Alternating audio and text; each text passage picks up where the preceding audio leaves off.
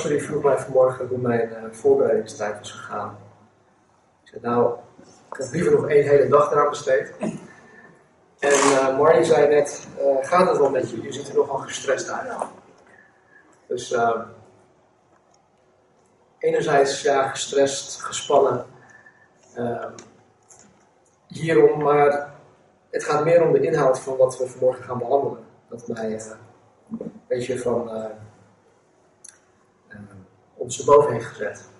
Maar goed, dat zullen we zo meteen wel zien.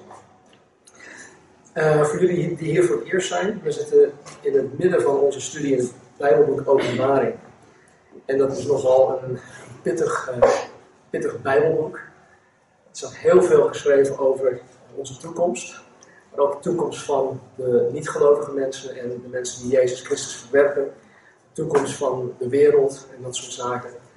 En uh, ik denk dat als we vandaag de dag naar een van de paragnos toe gaan en hem of haar uh, in zo'n glazen bol laten kijken, dan is alles roze geur maneschijn. Maar wat Jezus, wat de Bijbel uh, hier ons te vertellen heeft, is het uh, tegenovergestelde. En we zullen dus dingen tegenkomen in, in onze studie waar je niet vrolijk van wordt. Althans, ik zo zeker niet. De gebeurtenissen waar we vanmorgen over gaan lezen, die zijn echt. Dus laten we dat vooropstellen. Het is niet een, uh, een, uh, een allegorie. Hè? Dus, dit zijn echte gebeurtenissen. Ze zijn ook echt hevig.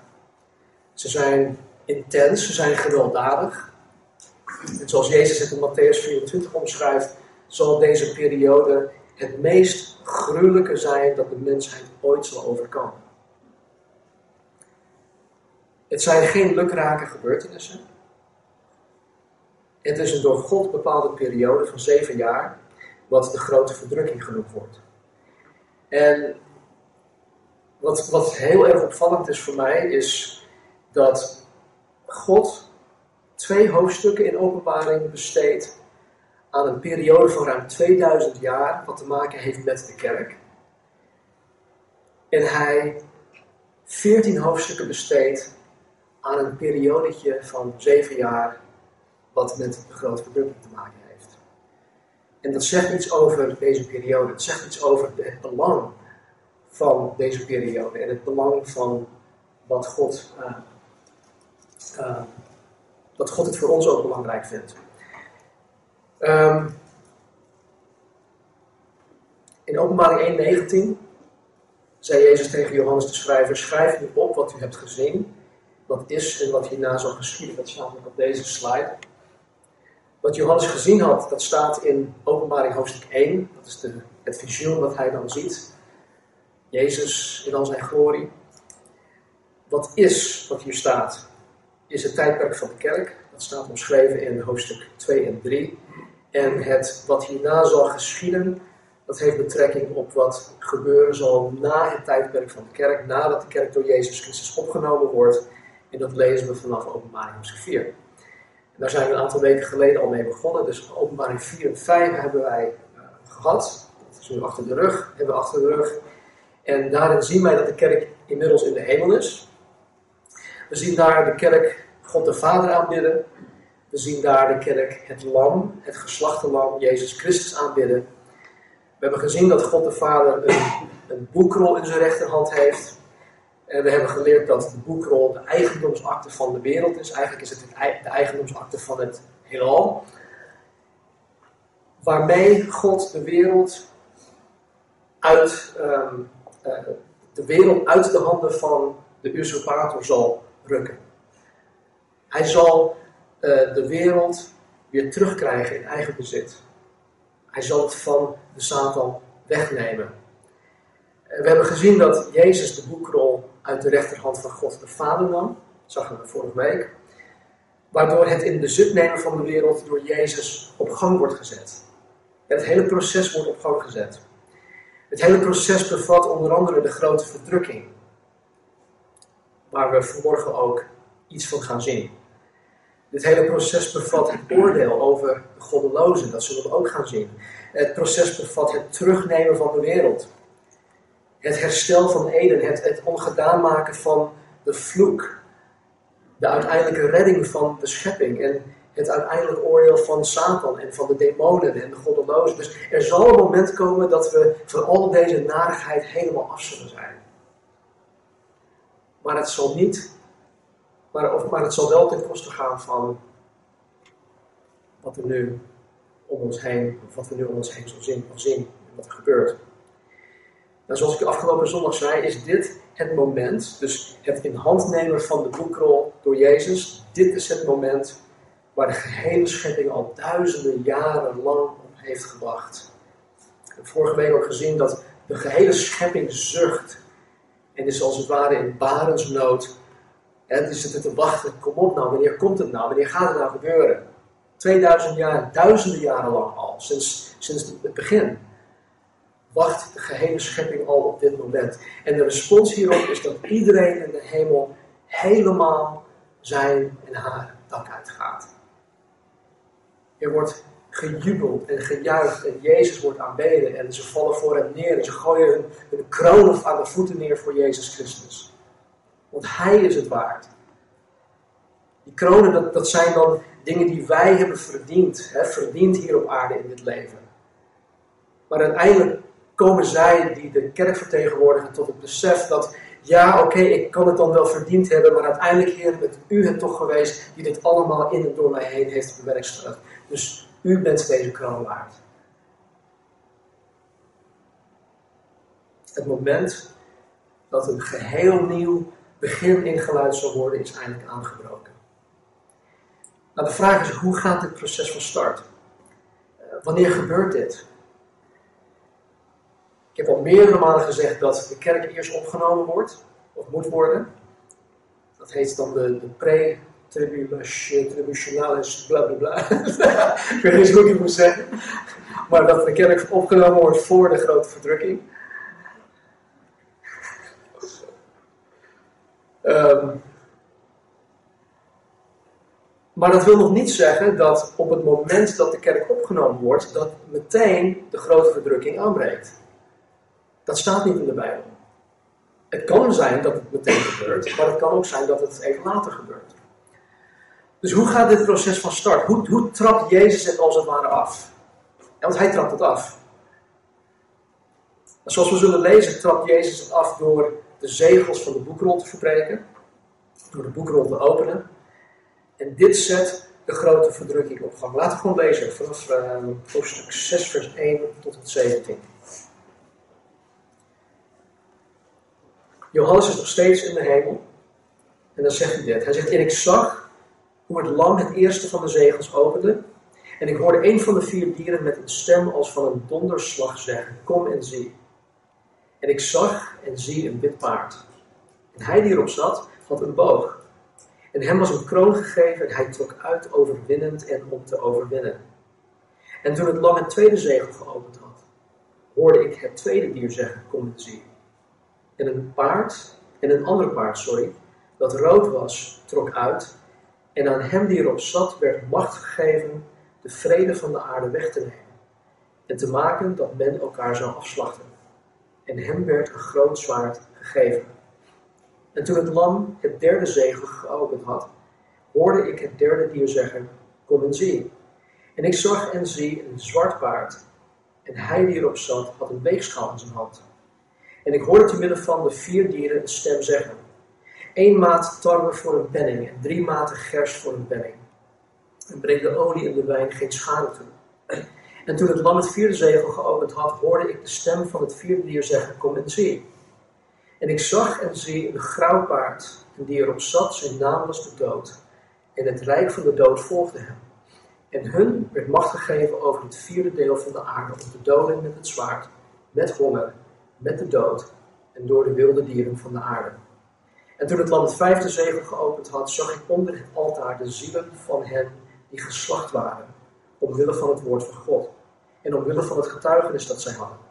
En ze riepen met luide stem, tot hoe lang, heilige en waarachtige heerser, oordeelt en breekt u ons bloed niet aan hen, die op de aarde wonen. En aan ieder van hen werd een lang wit gewaad gegeven. En tegen hen werd gezegd, dat zij nog een korte tijd moesten rusten, totdat ook het aantal van hun mededienstknechten en hun broeders, die evenals zij gedood zouden worden, volledig zou zijn geworden. En ik zag toen het lam het zesde zegel geopend had, en zie, er kwam de grote aardbeving. En de zon werd zwart als een harenzak, en de, man, de maan werd als bloed.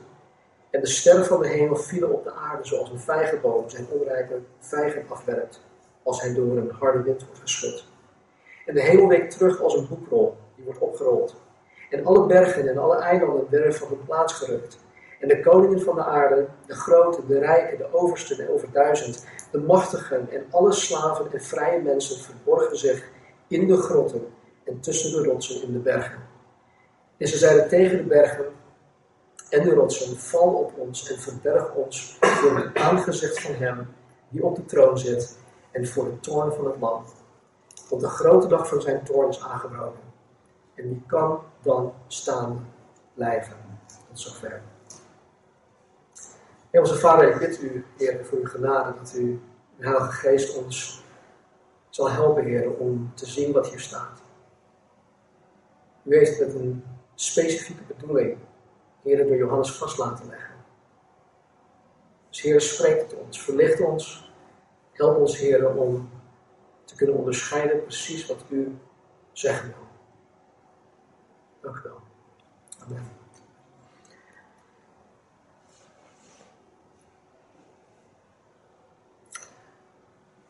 Deze gebeurtenissen die we net hebben gelezen, die omschreven worden, die maken allemaal deel uit van de toorn van Jezus. Zijn oordeel over de goddeloosheid, over mensen die Hem bewust blijven verwerpen tot het einde aan toe. En nogmaals, dit zijn geen lukrake gebeurtenissen.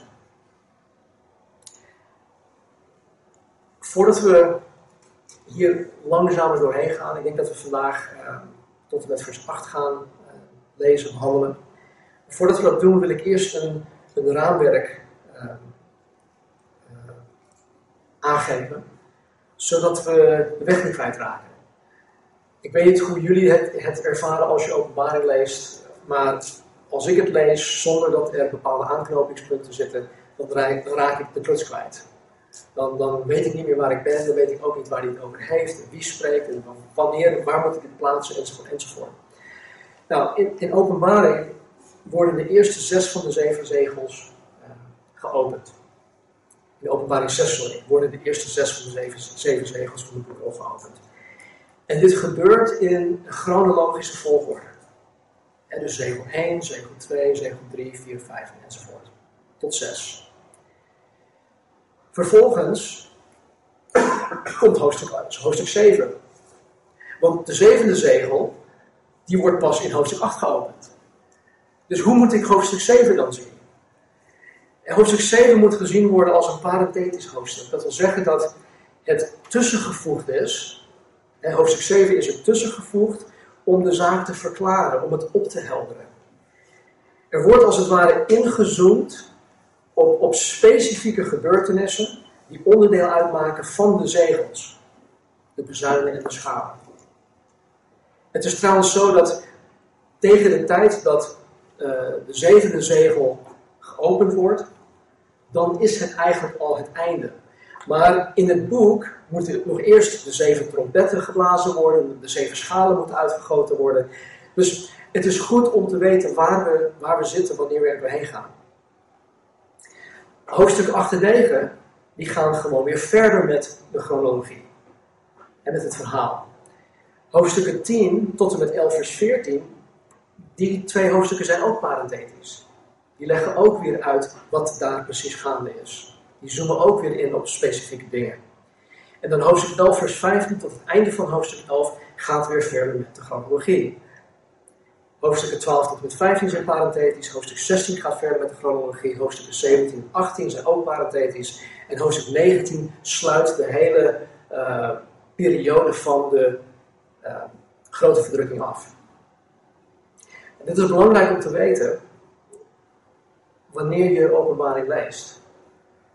Want als je hier geen rekening mee houdt, dan zal je het één grote wirwar van bizarre gebeurtenissen uh, vinden. Uh, het, zal um, Uh, er, zal geen taal vastgenomen zijn.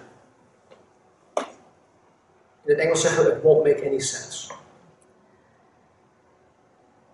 Daarnaast moeten we ook rekening houden met het feit dat er continu heen en weer geschakeld wordt tussen de gebeurtenissen die, die Johannes in de hemel waarneemt. Hè? En, en ik zag en ik zag en zie en dit en dat. En de gebeurtenissen die hij op de aarde ziet gebeuren. Hij ziet ze wel vanuit de hemel op aarde gebeuren. Maar er is, er is wel een, een verschil tussen wat er in de hemel gebeurt en wat er op aarde gebeurt. Dus daar moeten we ook rekening mee houden, dat er continu heen en weer geschakeld wordt. En nog één ding, en dat is dat de boekrol zeven zegels bevat. Zeven zegels die door Jezus geopend gaan worden. Nu is het zo dat er in de daarop volgende hoofdstukken zeven engelen zijn die op zeven bezuinigen gaan blazen. Dus de eerste zes zegels worden in openbaring 6 geopend. Dan heb je het parenthetisch hoofdstuk, hoofdstuk 7. Dan beginnen we met hoofdstuk 8, vers 1. Dan wordt de zevende zegel geopend. En bij het openen van de zevende zegel zien we ineens dat er een soort van subhoofdstukken in zitten. Waardoor de, de engelen ineens tevoorschijn komen. De zeven engelen die op zeven bezuinen moeten gaan blazen. En dan in die volgorde 1 tot en met 6. En bij de, bij, de zevende engel die dan op zijn bezuin gaat blazen, wordt dan weer iets geopend. Weer een soort van subhoofdstukken. Waardoor zeven engelen weer tevoorschijn komen met zeven schalen die uitgegoten gaan worden. Het ziet er een beetje uit als, als dit. Dit zijn de, de teksten trouwens. En nee, ik heb er nergens van afgeplukt. Ik heb echt gekeken waar deze dingen allemaal zijn. Dus vandaar dat ik eigenlijk nog een hele dag nodig had om er goed voor te bereiden. Dus in totaal zijn er 21 verschillende soorten of verschillende uitingen van de toorn van Jezus die tijdens de grote verdrukking over de aarde uitgestort zullen worden. Zeven bezuinen, zeven schalen, zeven uh, zegels. Nou, met dit als ons raamwerk, en ik verwacht echt niet dat jullie dit allemaal nu onthouden verwacht het ook niet van jezelf. Um, je hoeft het ook niet op te schrijven. Ik heb, ik heb alle slides, die zal ik uh, morgen waarschijnlijk op zijn, laatste uh, website hebben staan. Um, maar nu we dit zo als raamwerk hebben, kunnen we de tekst lezen. En ik zal elke keer weer terug refereren aan deze, aan deze dingen. Nou, we zullen tot, vanmorgen tot en met vers 8 gaan behandelen. En weet je, liefst zou ik de hele ochtend besteden aan vers 2. Maar omwille van de tijd en om de vaart er een beetje in te houden, gaan we er alle acht versen heen vandaag. En even als kanttekening, als er vandaag iets niet helemaal duidelijk is, dan is dat oké. We zullen gaandeweg, en naarmate we vorderingen maken in het boek, uh, zullen er bepaalde dingen meer duidelijk gaan worden. Ik zal elke keer toch weer teruggrijpen naar deze basisdingen. En als je vandaag dingen niet kan plaatsen omdat het allemaal te veel is, dat, snap ik helemaal. Uh, je kunt me altijd vragen stellen. Je kan ook altijd dingen naar me toe mailen als iets niet duidelijk is. Of als, als je denkt van, joh, hey, maar ik heb anders geleerd, dan kun je dat ook doen. Maar ik beloof je dat het echt duidelijk zal gaan worden. Vers 1. En ik zag hoe het lam het eerste van de zegels opende en ik hoorde een van de vier dieren met een stem als van een donderslag zeggen: Kom en zie. En ik zag en zie een wit paard. En hij die erop zat had een boog. En hem was een kroon gegeven en hij trok uit, overwinnend en om te overwinnen. Dit stuk wat we vanmorgen gaan behandelen, wordt ook de vier ruiters van de apocalyps genoemd. En deze eerste ruiter, die zat op een wit paard. Over het algemeen, wanneer een ruiter op een wit paard zit, dan wordt zo'n ruiter beschouwd als iemand goed. Toch? Ja? Uh, als die, die, wordt beschouwd als iemand goed, of, of goedaardig, of goedhartig. Bijvoorbeeld in openbaring 19 zien wij Jezus Christus op een wit paard zitten. Jezus Christus is de belichaming van goed. Hij is alleen maar goed. Dus, deze, dus dat deze eerste ruiter op een wit paard zit, geeft aan dat hij ogenschijnlijk goed is. Hij is ogenschijnlijk goed. Hij had een boog. Misschien lijkt het wel heel erg pietluttig, maar er staat niet bij dat hij pijlen bij zich had. Alleen een boog. Hij had een boog in zijn hand. Veel Bijbelcommentatoren zijn het erover eens dat de reden dat hij geen pijlen bij zich had, is om aan te geven dat er geen enkel schot door hem gelost zal worden. Want hij komt om vrede te brengen. Hij komt om vrede te brengen. Hem werd een kroon gegeven. En dit is niet de soort kroon dat Jezus als rechtmatige koning der koningen draagt. Want we hebben geleerd in de openbaring dat er twee soorten kronen zijn. Eén is een diadema, wat betekent een kroon die alleen een rechtmatige koning draagt, zoals Jezus. Maar wat deze, deze uh, ruiter gegeven wordt, of wat hem, ja, wat hem gegeven wordt, is een Stephanos. En dat is een kroon die gegeven werd aan de spelers van bijvoorbeeld de Olympische Spelen. Paulus heeft het over zo'n kroon. De 24 ouderlingen in hoofdstuk 4 en 5 dragen een Stephanos, niet een diadema. En ook wij zullen van God een Stephanos krijgen. Het heeft te maken met een, een, een, een beloning. Het, is ook, het wordt ook genoemd de, de, de kroon van de overwinnaar. Hij wordt dus gehuld als een overwinnaar. Hij wordt gehuld als een, een machtige leider. Hij wordt gekroond. Maar volgens de profetie van Daniel zal bij het aanbreken van deze grote verdrukking, het is bij het openen van deze eerste zegel, de antichrist op het wereldtoneel tevoorschijn komen. Antichrist wordt ook het beest genoemd uh, in, in openbaring. Er worden verschillende dingen genoemd. zal ik, daar zal ik een keer op terugkomen. Maar deze antichrist zal een zeer gewilde, zeer populaire, zeer charismatische wereldleider zijn. Hij zal iemand zijn die de hele wereld, de hele wereld, zal veroveren met zijn, met zijn charme. En niet alleen met zijn charme, maar ook met zijn scherpzinnigheid, met zijn wijsheid, met zijn macht en vooral met zijn, zijn leiderschap. Er zal, hij zal een, een wereldleider zijn die de wereld nog nooit tevoren gezien had. Van zo'n hoog kaliber zal deze persoon zijn. Hij zal gezien worden als de grootste held van aller tijden. Hij zal alle wereldproblemen oplossen. Hij zal de strijd tussen Israël en de Palestijnen in het Midden-Oosten oplossen. Wie van ons heeft daar nu een oplossing voor? Wie op dit moment op het wereldtoneel heeft daar een, een, een goede oplossing voor? Niemand, het is onoplosbaar. Het is gewoon per definitie niet op te lossen. En toch zal de antichrist daarvoor een oplossing aandragen. En hij zal het ook voor elkaar krijgen. Hij zal de wereld zo ver krijgen dat alle vijandige landen Israël met rust zullen laten. Hij zal een verbond met Israël aangaan. Sterker nog, hij zal ervoor zorgen dat Israël de tempel zal hebben. De tempel die nu al 2000 jaar er niet meer staat. De tempel waarop de, de, de, de moskee van de Dome the Rock nu staat, dat, wat een, een, een, een omstreden stuk grond is. Niemand mag daar komen, vooral, vooral de Joden niet.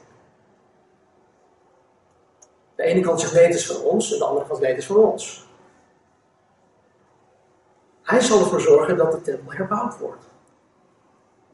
Hij zal ervoor zorgen dat Israël wederom haar offerdiensten kan gaan houden.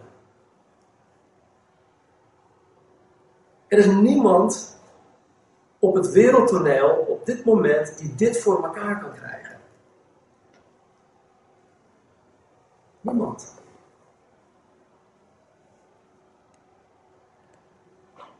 Weet je, de ongelovige wereld is de christenen liever kwijt dan rijk. Op alle fronten worden christenen over de hele wereld in verschillende mate vervolgd.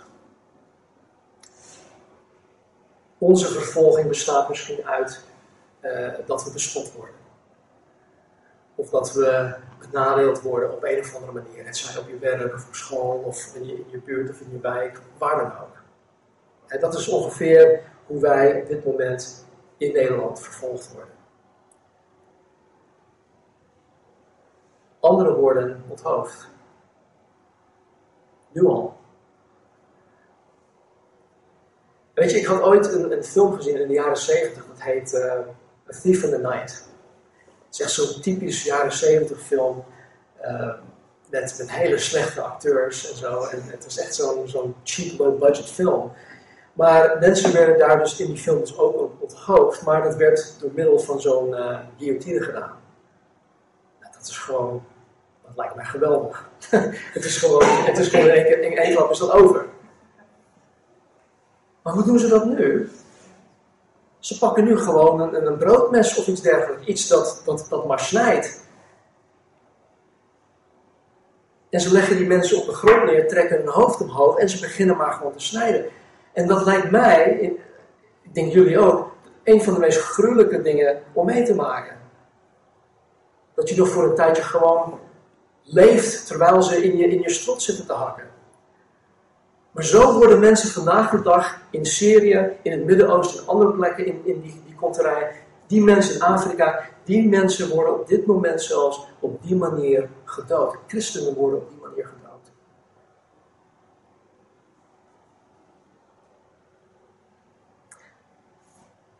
Wij worden bestempeld als niet tolerant. Ja, atheïsten zeggen dat christenen niet tolerant zijn. Dat we hatelijk zijn, dat wij uh, bekrompen zijn, want wij, wij, wij accepteren niet iedereen.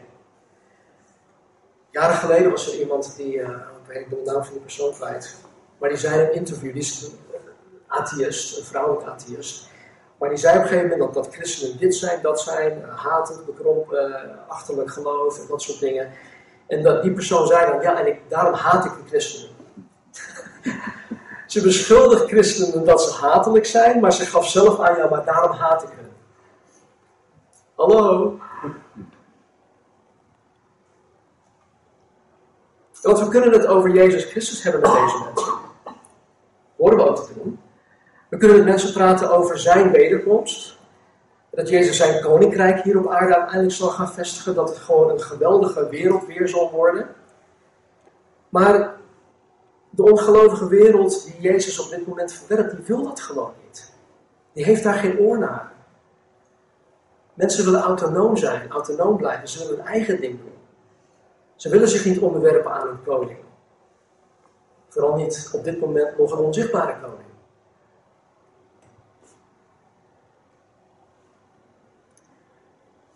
De wereld die Jezus verwerpt, wordt steeds meer en meer ontvankelijk voor een charismatische wereldleider die vrede zal brengen. In, uh, in Johannes hoofdstuk 5.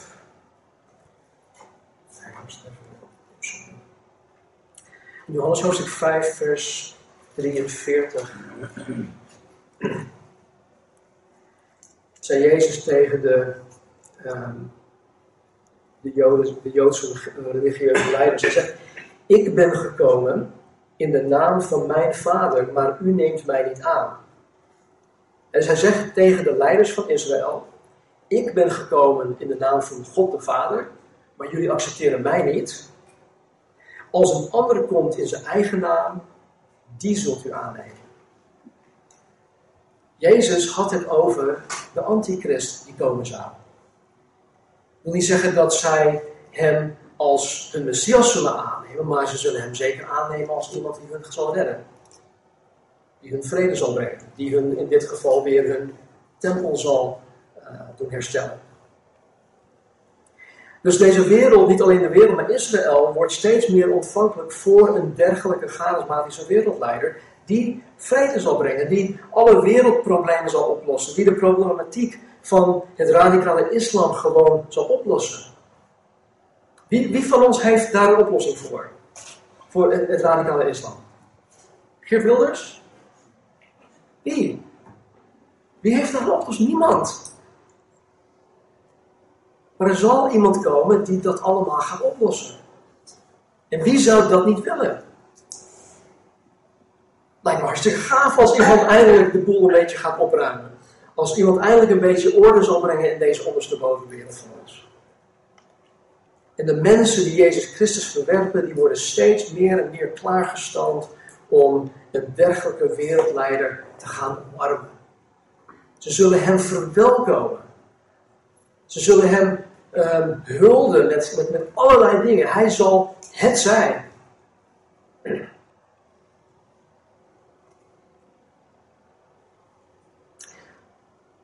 Maar voordat hij zichzelf, de antichrist, als, als zal profileren, moet volgens de apostel Paulus eerst de kerk uit de wereld gehaald worden. Hij kan niet komen totdat wij uit de weg gehaald zijn. Wij staan hem in de weg.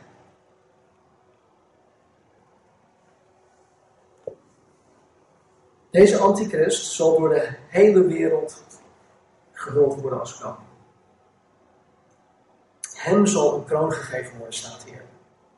Hij zal met een boog zonder pijlen, dat wil zeggen op een vreedzame, op een geweldloze manier overwinnend uittrekken om de harten van de wereldpopulatie te overwinnen, te veroveren.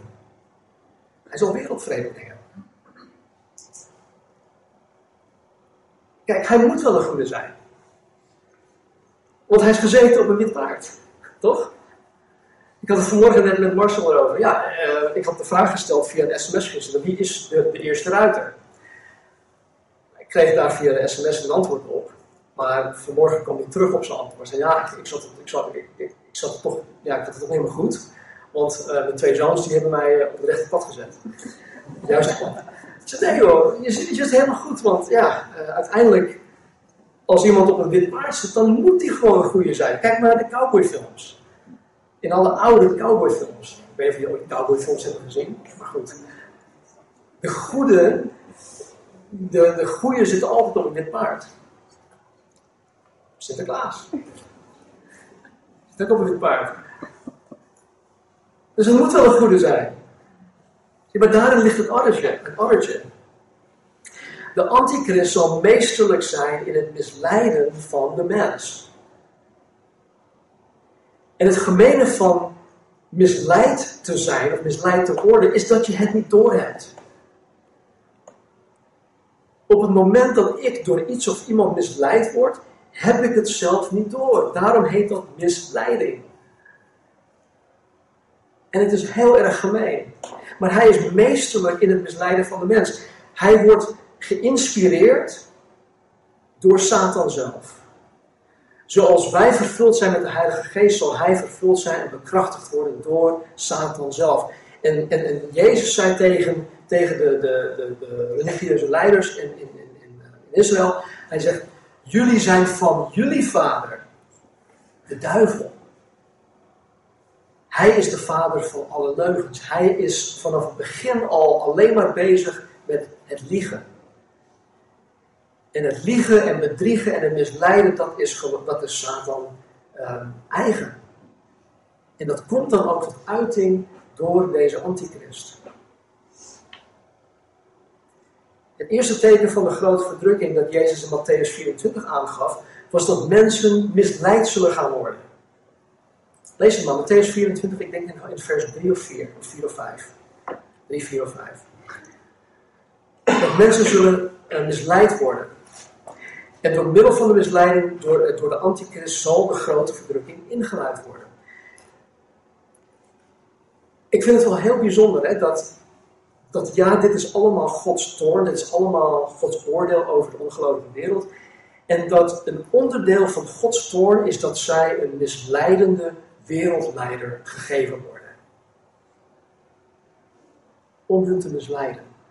Om een, een schijnvrede eh, te krijgen van deze wereldleider.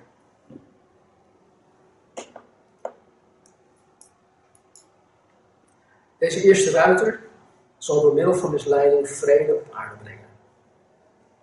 Hij zal de wereld veroveren zonder één schot te lossen. Maar zoals Daniel over hem schrijft, zal deze schijnvrede niet van lange duur zijn. Na de eerste helft van de grote verdrukking zal de antichrist zijn verbond met Israël verbreken.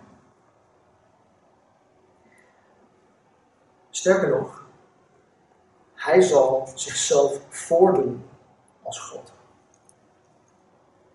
Op een gegeven moment, halverwege de grote verdrukking, zal de antichrist zichzelf, uh, zal, zal de antichrist in de tempel uh, zichzelf voordoen als God. Hij wil daar als God almachtig aanbeden worden.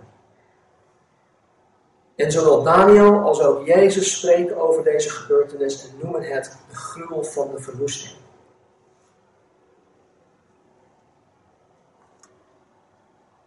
We zullen de antichrist in de komende hoofdstukken vaker gaan tegenkomen. En daar zullen we veel meer over hem gaan leren. Maar voor nu hebben wij in ieder geval een stukje achtergrond. Vers 3. En toen het lam het tweede zegel geopend had, hoorde ik het tweede dier zeggen: Kom en zie. En een ander paard, dat rood was, trok uit. En aan hem die erop zat, werd macht gegeven de vrede van de aarde weg te nemen. En te maken dat men elkaar zou afslachten en hem werd een groot zwaard gegeven. De schijnvrede dat door de antichrist bewerkstelligd werd, wordt nu, op dit moment, door deze tweede ruiter, ruiter weggenomen. Hij kreeg macht om de vrede weg te nemen. Nou, de vrede is de schijnvrede die de antichrist had uh, bewerkstelligd. Wanneer vrede in deze context weggenomen wordt, zal er sprake van oorlog zijn. Het is ja, heel logisch, uh, tegenovergesteld van vrede, oorlog. Deze tweede ruiter brengt dus oorlogen. En er staat er dat men gaat elkaar afslachten. Men gaat elkaar afslachten. Mijn vader, die is nu 93.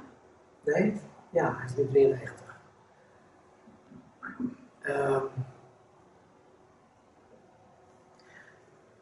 hij zat, geloof ik, 100 kilometer. Uh, hij was, ja, zat iets van 100 kilometer bij Nagasaki vandaan. Toen daar die kernbom gedropt werd. En waar, waar hij zat, hij zat in, uh, in een uh, Japanse uh, krijgsgevangenkamp. Dat hij in de, in, in de, in de distance, in de verte zag hij de flits, hoorde de knal. En wist dat Amerika dit had veroorzaakt.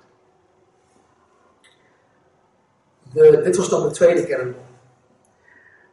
De eerste kernbom, genoemd Little had de kracht van 15 kiloton springstof. 15 kiloton springstof, is best wel veel. Want alleen al door de, de explosie zelf werden in één klap 66.000 mensen gedood. Vervolgens werden er overwegend 69.000 mensen verwond. Het gevolg van alle uh, het hele nucleaire gebeuren heeft nog voor veel meer doden gezorgd. Maar alleen door die explosie 66.000 mensen gedood, 69.000 mensen verwond. Dat is voor één kernbom die de kracht heeft van 15 kiloton springstof. Vandaag heeft Amerika een, een type eh, onderzeeboot dat bewapend is met nucleaire geleide raketten, die elk geladen zijn met de kracht van 475 ton of kiloton springstof. En één zo'n onderzeeër heeft 12 van dit soort raketten. En Amerika heeft 18 van deze onderzeeërs in dienst.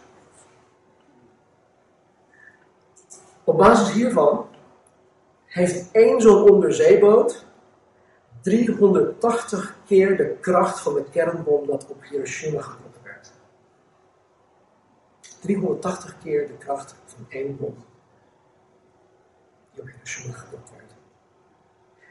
Alle 18 onderzeeboten bij elkaar opgeteld hebben 6840 keer de kracht van de middelbom.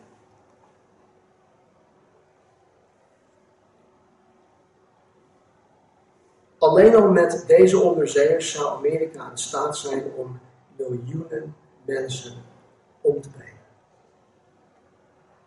Honderden miljoenen mensen.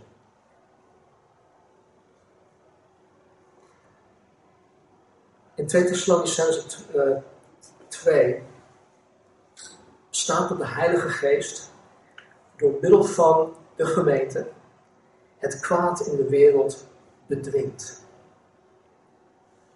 De Heilige Geest door middel van de kerk houdt het kwaad in de wereld tegen. Wij zijn, zoals Jezus ons noemt, het zout der aarde. Wij zijn het licht van de wereld. Zout heeft niet alleen een, een smaakgevende taak, hè, want wij, wij brengen de geur en de smaak van Christus hier op aarde, maar het heeft ook een, wij zijn ook een conserveermiddel als het ware. Wij conserveren de goedheid dat hier nog op aarde is. De Heilige Geest houdt het kwaad tegen. Er staat in 2 Thessalonicense ook dat na de opname van de kerk deze kwaadbedwingende invloed van de aarde zal verdwijnen. Er staat niet dat de Heilige Geest weggenomen zal worden, want de Heilige Geest is alomtegenwoordig, dus dat kan niet. En tijdens een grote verdrukking zal de Heilige Geest nog aan het werk gaan om mensen tot geloof te brengen. Maar de invloed van de Heilige Geest die door middel van de kerk werkt, dat zal weggenomen worden op het moment van de opname.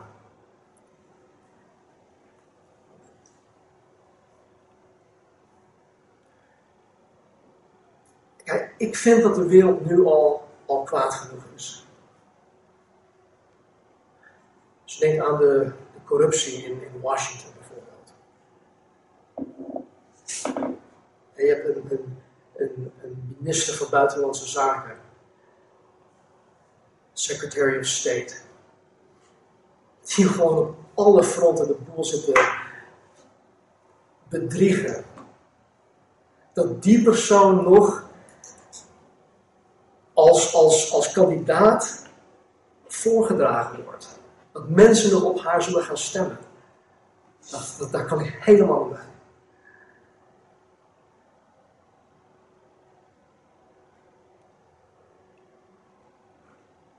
En dat is met de kerk nog steeds hier op aarde. Hoe kwaad zal het dan niet zijn wanneer de bedwinger van het kwaad er niet meer zal zijn? Jullie kennen de uitspraak, hè? dan zal de hel losbreken. Nou, dan zal letterlijk de hel losbreken. Want wie is er dan nog om, om, om dingen te bedwingen, om dingen te, te, tegen te houden?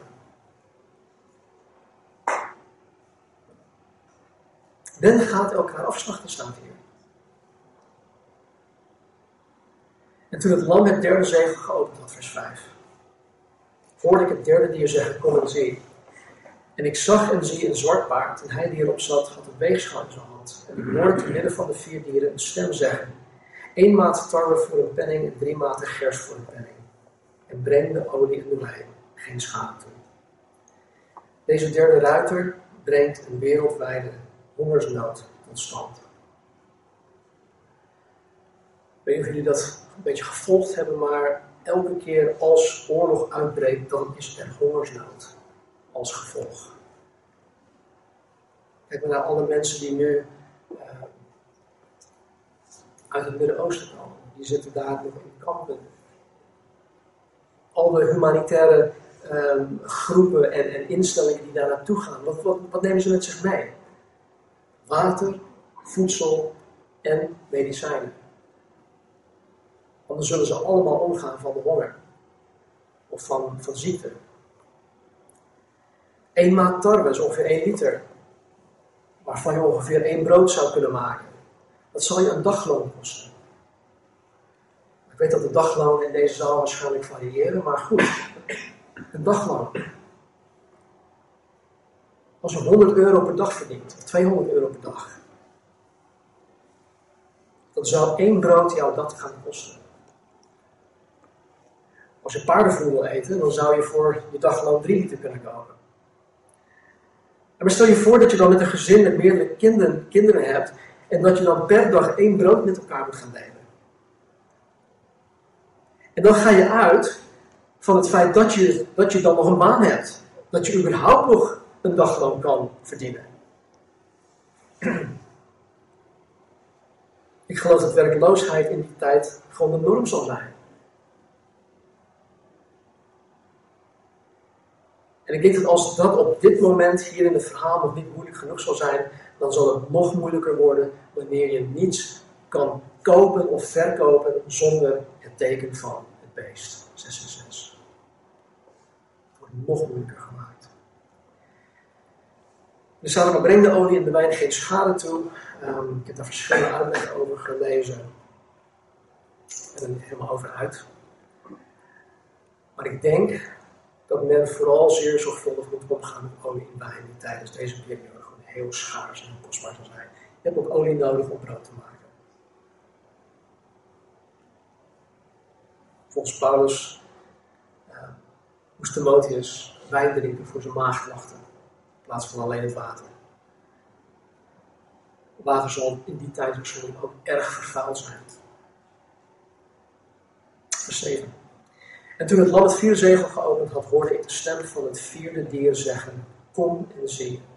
En ik zag en zie een grauw paard die erop zat. Zijn naam was de dood en het rijk van de dood volgde hem.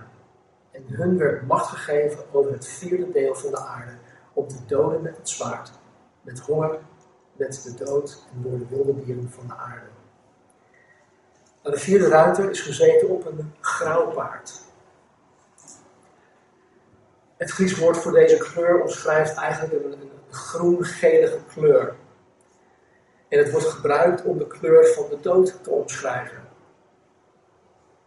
Ik weet niet of jullie ooit een, ja, een, een lijk hebben gezien, die dus niet opgemaakt is.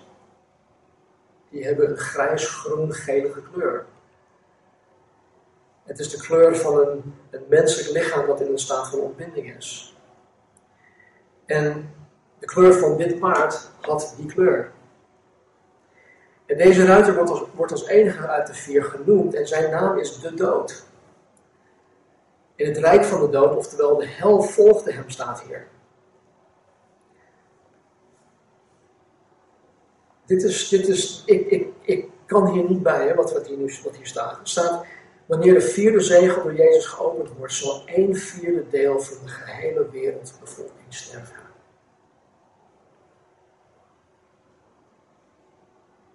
We weten niet hoeveel van ons mee zullen gaan met de opname van de gemeente. Dus zullen we ook niet weten hoeveel mensen er dan nog op de wereld over zijn. Maar op basis van de huidige cijfers is een vierde deel van de wereldbevolking van nu zo'n 1,8 miljard mensen.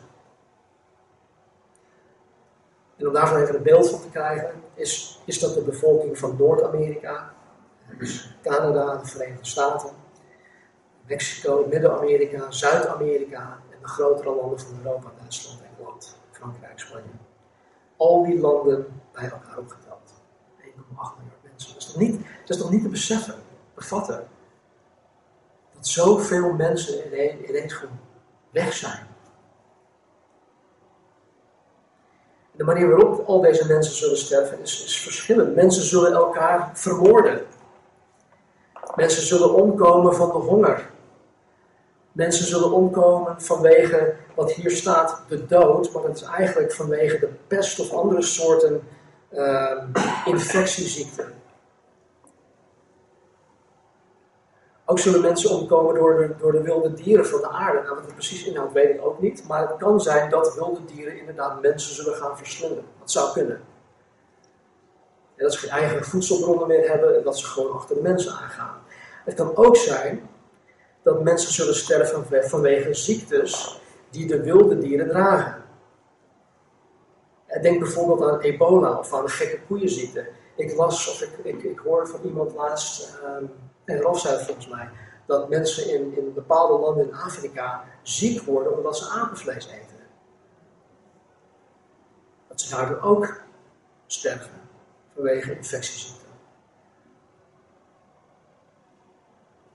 Hoe dan ook, nadat de eerste drie zegels reeds geopend zijn, zal vervolgens nog eens een vierde deel van de mensheid tijdens de eerste helft van de grote verdrukking omkomen.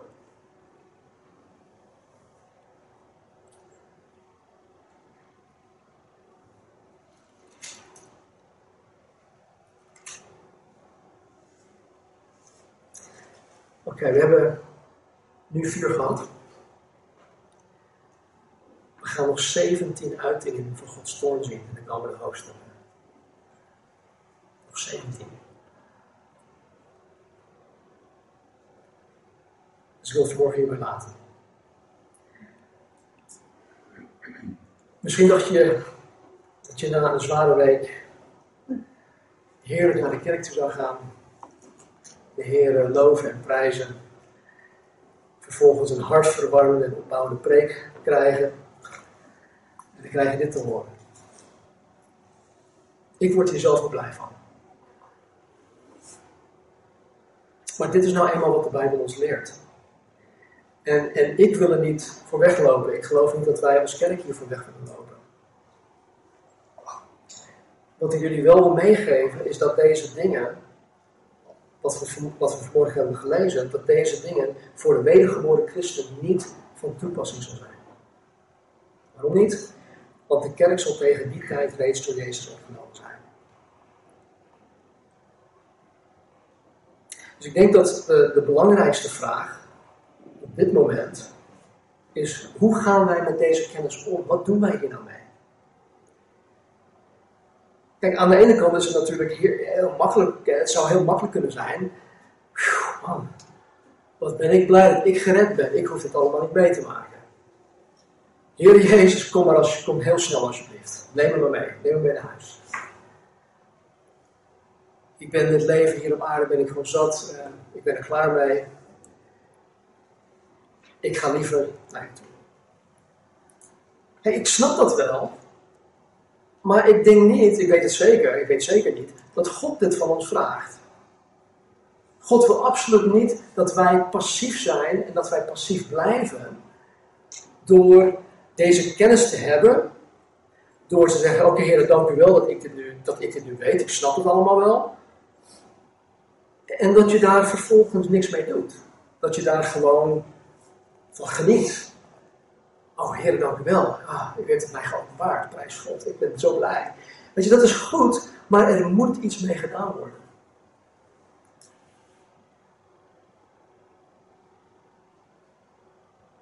Ik,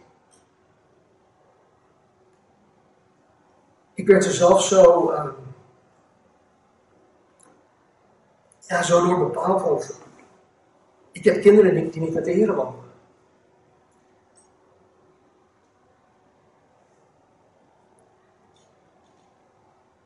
Kan me niet voorstellen. Sowieso dat, dat, dat, dat iemand überhaupt hier doorheen moet gaan. Maar ik kan me er echt niets bij voorstellen ik, dat, dat een van mijn kinderen of een kleinkind hier doorheen moet gaan. En zo zijn er nog meer.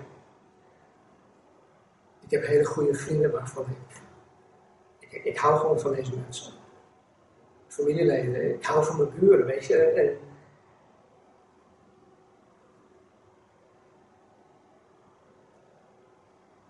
Wat doe ik met die kennis?